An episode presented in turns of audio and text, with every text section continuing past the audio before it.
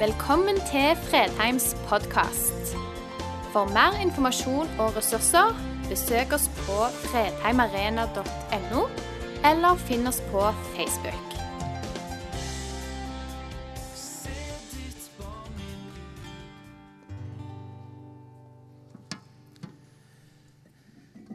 Jeg sa det at jeg ikke liker å bli lurt. Og Jeg vet ikke om du er sånn som av og til går på reklame. Eh, det er en stund siden nå, men jeg så et reklamebilde av en sånn nesten ferdiglagt sak som lå i en pose. Og På utsiden så glitra det. Det så så velsmakende ut. Og Jeg tok og åpna posen, heiv det i gryten, og så skifta det farge. Det så helt annerledes ut. Jeg følte meg skikkelig lurt. Jeg liker ikke å bli lurt. Av og til så kan det jo være litt gøy. Når Bente og meg flytta inn i huset vårt der vi bor nede i Oalsgaten og skulle ha innflytningsfest, så var det noen som ville lure meg litt. I gamle dager husker dere fasttelefon?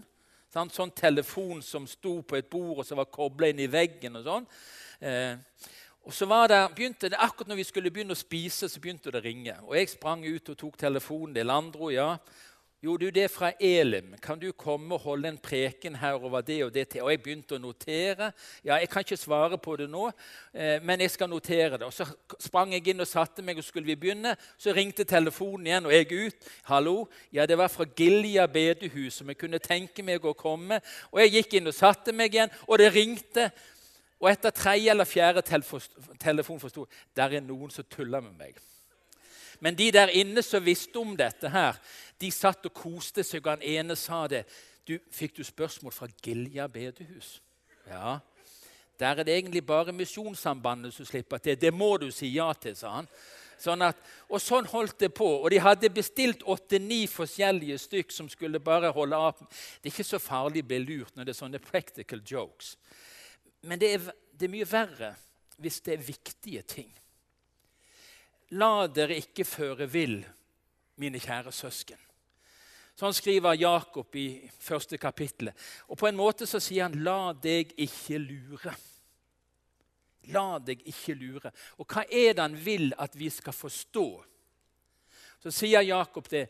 All god gave og all fullkommen gave kommer ovenfra, fra ham som er himmellysenes far. Hos ham er det ingen forandring eller skiftende skygge. La deg ikke lure. Det kan hende at noen har fortalt deg om Gud på en måte som gjør at alt det du tenker om Gud, handler om frykt. At alt det du tenker om Gud, at det er straff. Men Bibelen sier altså 'la deg ikke lure'. La deg ikke føre vill. All god gave og all fullkommen gave kommer nemlig fra Gud. Det er motsatt av det vi ofte tror. At alt det gode det fins et annet sted, og hos Gud er det bare frykt. Nei, sånn forteller ikke Bibelen. Vårt gudsbilde kan være basert på noe som ikke stemmer. Vær forsiktig, lille barn, hva du ser. For Gud Fader over der. Vær forsiktig, lille fot, hvor du går. Vær forsiktig. Altså, vi, kan, vi kan få et bilde av Gud at det eneste han er ute etter, er å se når vi gjør noen feil. Tok deg. Tok deg. Og En kompis av meg han sier det. Han straffer på stedet, sier han. Ja. Det er liksom, Noen har det bildet av Gud at han er bare ute etter å straffe oss. La deg ikke fare vill. La deg ikke lure. Gud er den Gud som gir gode gaver. Og Vi kan òg bli lurt når det gjelder våre tanker om livet med Gud. Noen forteller om at livet med Gud er som en jammerdal. Og på den andre siden fins himmelen. Du tar imot Jesus, livet er egentlig ganske greit. Så tar du imot Jesus, og deretter blir det bare en jammerdal. Og så er himmelen løsningen en gang der framme. Livet kan være tøft. Det vet mange som sitter her inne. Livet kan være knalltøft og utfordrende. Men livet med Gud har andre sider ved seg. Og Noe av det skal vi prøve å nærme oss nå. At vi har mye godt til gode hos Gud. Og Det er to ting vi denne formiddagen skal berøre, bare ganske kort og enkelt. Vi har nåde og kraft til gode hos Gud. Peter står fram på pinsedag, forkynner for titusenvis av mennesker. Han har fått en helt ny frimodighet. For noen dager siden stakk han av livredd med halen mellom beina banna på at han ikke kjente Jesus. Så hadde det skjedd noe i livet hans, og så står han fram i Jerusalem så sier han da de hørte dette, eller han hadde forkynt, og så kommer reaksjonen. Da de hørte dette, stakk det dem i hjertet, og de sa til Peter og de andre apostlene, hva skal vi gjøre, brødre? Peter svarte dem, vend om og la dere døpe Jesu Kristi navn, hver og en av dere, så dere kan få tilgivelse for syndene, og dere skal få Den hellige ånds gave. Vi har nåde til gode. Og vi har kraft til gode. Og den dagen når det hadde stukket de i hjertet, så var det 3000 mennesker som fikk lov å oppleve syndenes tilgivelse, forlatelse, og de fikk ta imot Den hellige ånds gave. Vi har nåde til gode. Magnus Malm, en dyktig svensk skribent, han skriver i det som for meg er den beste boken hans, som heter 'Veivisere'. Hva er det en kristen leder har å styrke mennesker med? I alle fall ikke egen syndfrihet og prektighet som bare er egnet til å trykke folk ned, svarer han. Det eneste som dypest sett kan styrke et menneske, er Guds nåde. Og Den nåden kan bare det mennesket formidle som selv har innsett sitt eget skrikende behov for den. Det beste vi kan gi som forkynner Guds ord, det beste du kan gi som vitner om Jesus, det å gi mennesker del i en ufortjent, frigjørende nåde. Det er ikke noe bedre vi kan gi. Vi har nåde til gode. Så sitter noen her og tenker. Og det er ikke fordi jeg ser hva du tenker, jeg kan, men jeg bare antar. Det der har vi hørt før. Kom med noe nytt. Kom med noe som kan utfordre oss. Kom med noe som Gi meg noe nytt. Hvem av oss tenker ikke sånn? I dag har jeg lyst til å formidle to ting og begynne med dette noe som vi alle trenger, og som har kraft i seg til å forandre måten vi ser på Gud på, vi ser på oss sjøl på, og vi ser på andre mennesker på. Tilgivelse for syndene på grunn av Guds ufortjente nåde. Synd skaper skille. Synd er noe av den Altså, det er jo det som lokker oss mest. Det er det som tilsynelatende smaker best. La deg ikke lure. La oss ikke fare vill. Det som ofte ser ut til å klø mest, det er det som gir den sureste svien, sier vi. Og sånn er synden i sin natur. Det er skylden som skiller dere fra deres Gud. Syndene deres skjuler ansiktet så han ikke hører. Synd skaper skille mellom oss og Gud. Og synd skaper skille mellom mennesker. Men dersom vi vandrer i lyset, slik han selv er i lyset, da har vi fellesskap med hverandre. Det er vondt å komme inn i et rom fullt av uoppgjorte vanskelig, konfliktfylte relasjoner. Du kan kjenne det på atmosfæren. Det er ikke frie blikk. Det er ikke frimodighet. Det er noe som binder, noe som hindrer. Synd skaper skille. La deg ikke lure. La deg ikke føre vill, sier Bibelen. La deg ikke lure. Synd skaper skille. Og så er det en utfordring for noen av oss. Noen av oss er litt mer stolte i vår natur. Der, vi har et uttrykk som heter 'å krype til korset'. Sant? Liksom sånn, eh, Du fortalte om disse her fedrene i Kambodsja som i sin kultur er for stolte til å be barna om tilgivelse. Jeg tror vi er noen stolte her òg. Jeg tror vi kan kjenne på det at det å bøye oss, erkjenne Det skal noe til. Gud står de stolte imot, står der i Bibelen. Men de ydmyke gir han nåde. Ikke la deg lure. Du skal få lov å være et stolt og oppreist menneske, skapt i Guds bilde, frimodig og fornøyd med den du er. Men ikke bli stolt i åndelig forstand, sånn at du slutter å krype til korset. At du slutter å bekjenne. At du slår deg til ro med ting du vet er galt, men du er for stolt til å gjøre noe med det. Gud står de stolte imot. Der er noe på kontoen til de stolte som vil stå der uforløst. Du får ikke tak i det. Det står på kontoen. Det heter nåde. Det heter tilgivelse, det heter relasjon, det heter fellesskap. Men det står ubrukt på kontoen, for stoltheten hindrer en utbetaling. Gud står de stolte imot, men de ydmyke eh, i, I den gamle pietistiske tiden så sa de at hvis du var ekte ydmyk, skulle du gå med hodet på skakke. Da var du ydmyk. Og hvis du var skikkelig ydmyk, så skulle du gå med hodet under armen. Altså Det var omtrent sånn. Det var noe med sånn falsk ydmykhet. Det handler ikke om falsk fromhet. Men handler om å sjøl å erkjenne at jeg er desperat avhengig av nåde. Og jeg har så mye nåde til gode. Og jeg har lyst til å si det til deg som sliter med ting.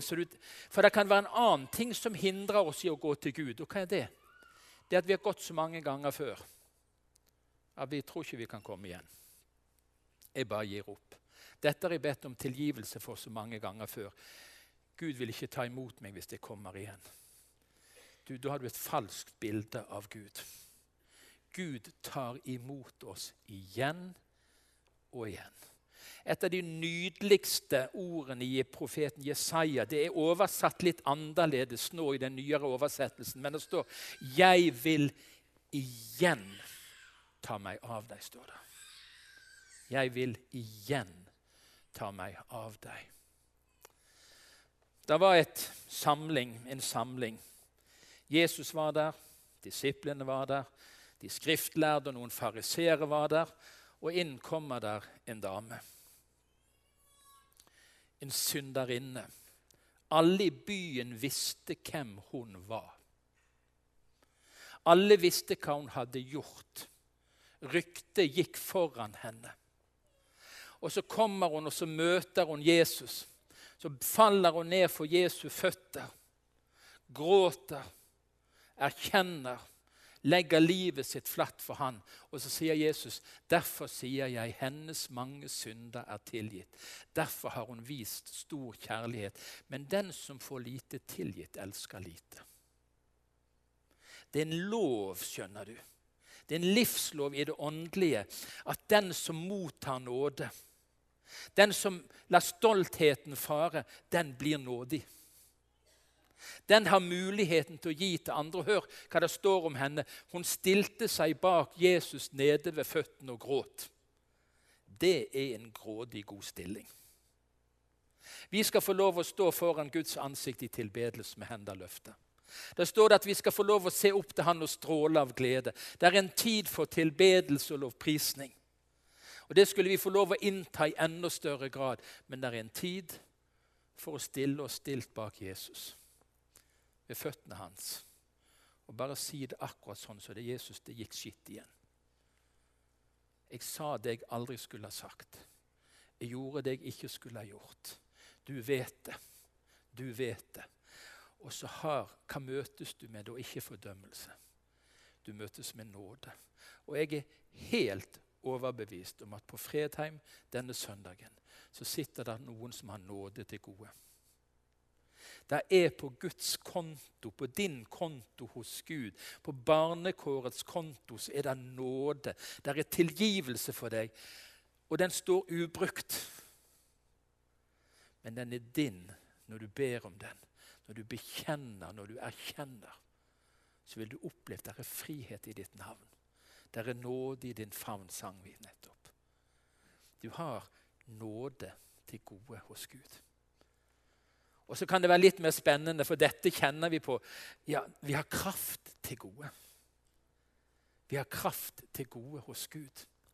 Når, dere, når, selv dere som er onde Jeg liker jo ikke akkurat den teksten. Jeg føler ikke meg så ond. I alle fall ikke i forhold til ungene mine. Der syns jeg jeg er tålelig bra. Og I forhold til barnebarna mine mener jeg jeg er over snittet. Ja. Skal, det, og det er ikke bare fordi jeg griner når jeg snakker om dem. Men, det, men jeg, jeg, mener jeg, jeg, jeg, er ikke så verst. Men Jesus sier altså når sjøl vi som er onde, vet å gi barna deres gode gaver For vi gir dem mye godt. Hvor mye mer skal det ikke da Far i himmelen gi Den hellige ånd til dem som ber ham? Gud har en gave. Han gir gode gaver. Han vil gi ånd og kraft til sine barn, de som tror på han. Og alle som er født på ny, har fått Den hellige ånds gave. Vi er ikke alle fylt av den. Men vi har alle fått del i Åndens gave. Og vi har noe på kontoen vår som Gud ønsker at vi skal ta ut og bruke. Vi har kraft til gode i gudslivet, i vandringen med Jesus. Men dere, sier Jesus til disiplene sine, dere skal få kraft når Den hellige ånd kommer over dere, og dere skal være mine vitner. Jeg sa Paul, nei, Peter sto fram der med frimodighet på pinsedag og forkynte med frimodighet for titusenvis. Hva hadde skjedd siden han bante på at han ikke kjente Jesus? Han hadde fått kraft han hadde tatt imot. Noe av det som sto uforløst på kontoen, hadde han fått lov å ta imot. Vi har kraft til gode hos Gud. Gud er en god Gud. Han gir gode gaver. Og Vi kan bli litt sånn, vi er sånn indremisjonsfolk, for noen av oss er jo det, vi er litt sånn skeptiske. og Oi, oi sann, vi kan liksom stokke hvis noen blir litt for ivrige. Vi er liksom sånn Nei, vet du hva? Det er en god gave Gud gir. Når Gud utruster med sin ånd, når Gud blåser liv i oss, så er det gode gaver han gir. Hvem er denne kraften for? Min nåde er nok for deg, skriver Paulus. For kraften fullendes i svakhet. Derfor vil jeg helst være stolt av mine svakheter for at Kristi kraft kan ta bolig i meg. For når jeg er svak, da er jeg sterk. Jeg vet at jeg kan ikke frelse et eneste menneske. Jeg kan vitne om Jesus, jeg kan forkynne om Jesus, men jeg kan ikke frelse et menneske. Jeg er fullstendig avhengig av at Gud gjør det at Guds kraft er til stede og berører mennesker. Vi kan ikke helbrede noen, vi kan ikke endre noen mennesker sitt liv. Men Gud kan gjøre det gjennom oss. Guds kraft kan få lov å virke. Og når virker Guds kraft mest? Det er når vi forstår Gud. Dette kan ikke jeg. Her er jeg hjelpeløs, men du kan. Du vil. Guds problem er ikke vår styrke. Nei, jo, det vår svakhet, skulle jeg ha sagt. Jeg håper dere våkner. Guds problem er ikke vår svakhet, men vår styrke. Hør hva Paulus sier til korinterne når han skulle si, besøke de og avlegge rapport. Da jeg kom til dere søsken, var det ikke med fremragende talekunst eller visdom. Svak, redd og skjelvende opptrådde jeg hos dere. Jeg forkynte ikke mitt budskap med overtalende visdomsord, men med ånd og kraft som bevis. Hvis vi hadde tatt en håndsopprekning nå, hvem har kjent seg redd, svak og skjelvende foran en tjeneste? Noen har begynt å rekke opp hånden allerede, men dere skulle få slippe. Det var, sånn, det var ikke, for å få en sånn test. Men hvem her inne har vært svak, redd og skjelvende foran en oppgave? Du står der, og du vet at Gud har gitt deg en mulighet, men du er redd, svak og skjelvende. Det er den beste muligheten for at et under kan skje. Hva gjør du da? Da roper du på Gud, på hans kraft. Og jeg vil si det der er kraft til gode. Vi har kraft til gode hos Gud. Ikke vær stolt ikke tro at han er avhengig av din styrke og det fullkomne og det flotte og de gode ordene dine. Gud er ikke avhengig av noen ting hos oss annet enn vi sier, 'Gud, hjelp meg'. Jeg er svak. Jeg er redd foran denne oppgaven. Jeg er skjelvende. Da kan Gud vise hvem han er, og gi oss av sin styrke. Og jeg har sagt det nå. Guds problem er ikke vår svakhet. Hans problem er vår styrke. Vårt problem er at vi tror feil om hvem Gud kan og vil bruke. Noen av dere kommer til å gå hjem og si han talte ikke så verst i dag, han Landro. Noen vil si hørte han bedre før. Noen vil si jeg hørte han si det samme før. Dere kommer veldig ofte for å vurdere prekener.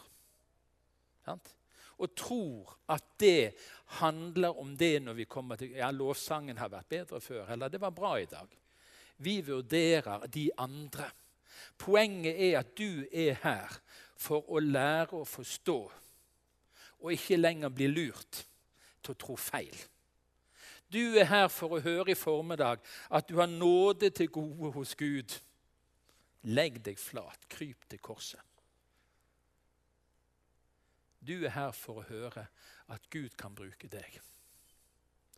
Akkurat deg. Gud kan bruke deg der du er i ditt liv og i din hverdag.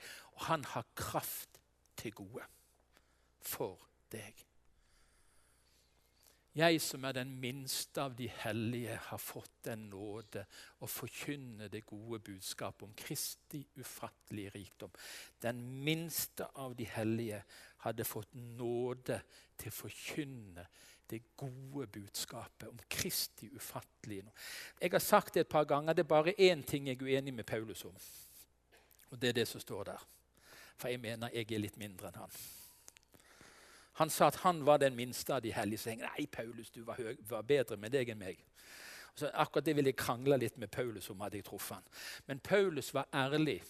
Han visste hvem han var, han visste hva han hadde gjort. Og Det gjorde at han kjente det. Jeg har svikta. Jeg har forfulgt.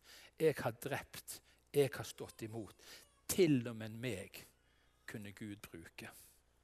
Når Paulus vendte om så fikk han ta imot nåde.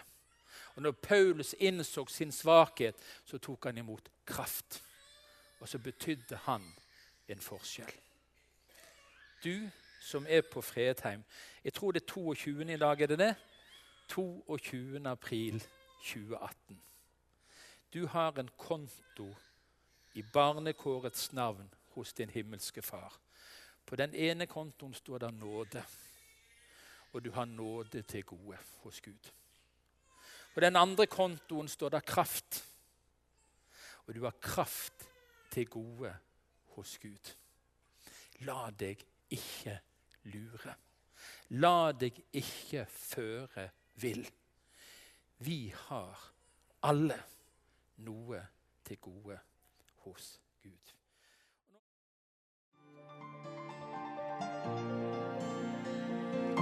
Takk for at du valgte å høre på. Nye opptak legges ut hver uke. Vi har gudstjenester hver helg, og du er hjertelig velkommen.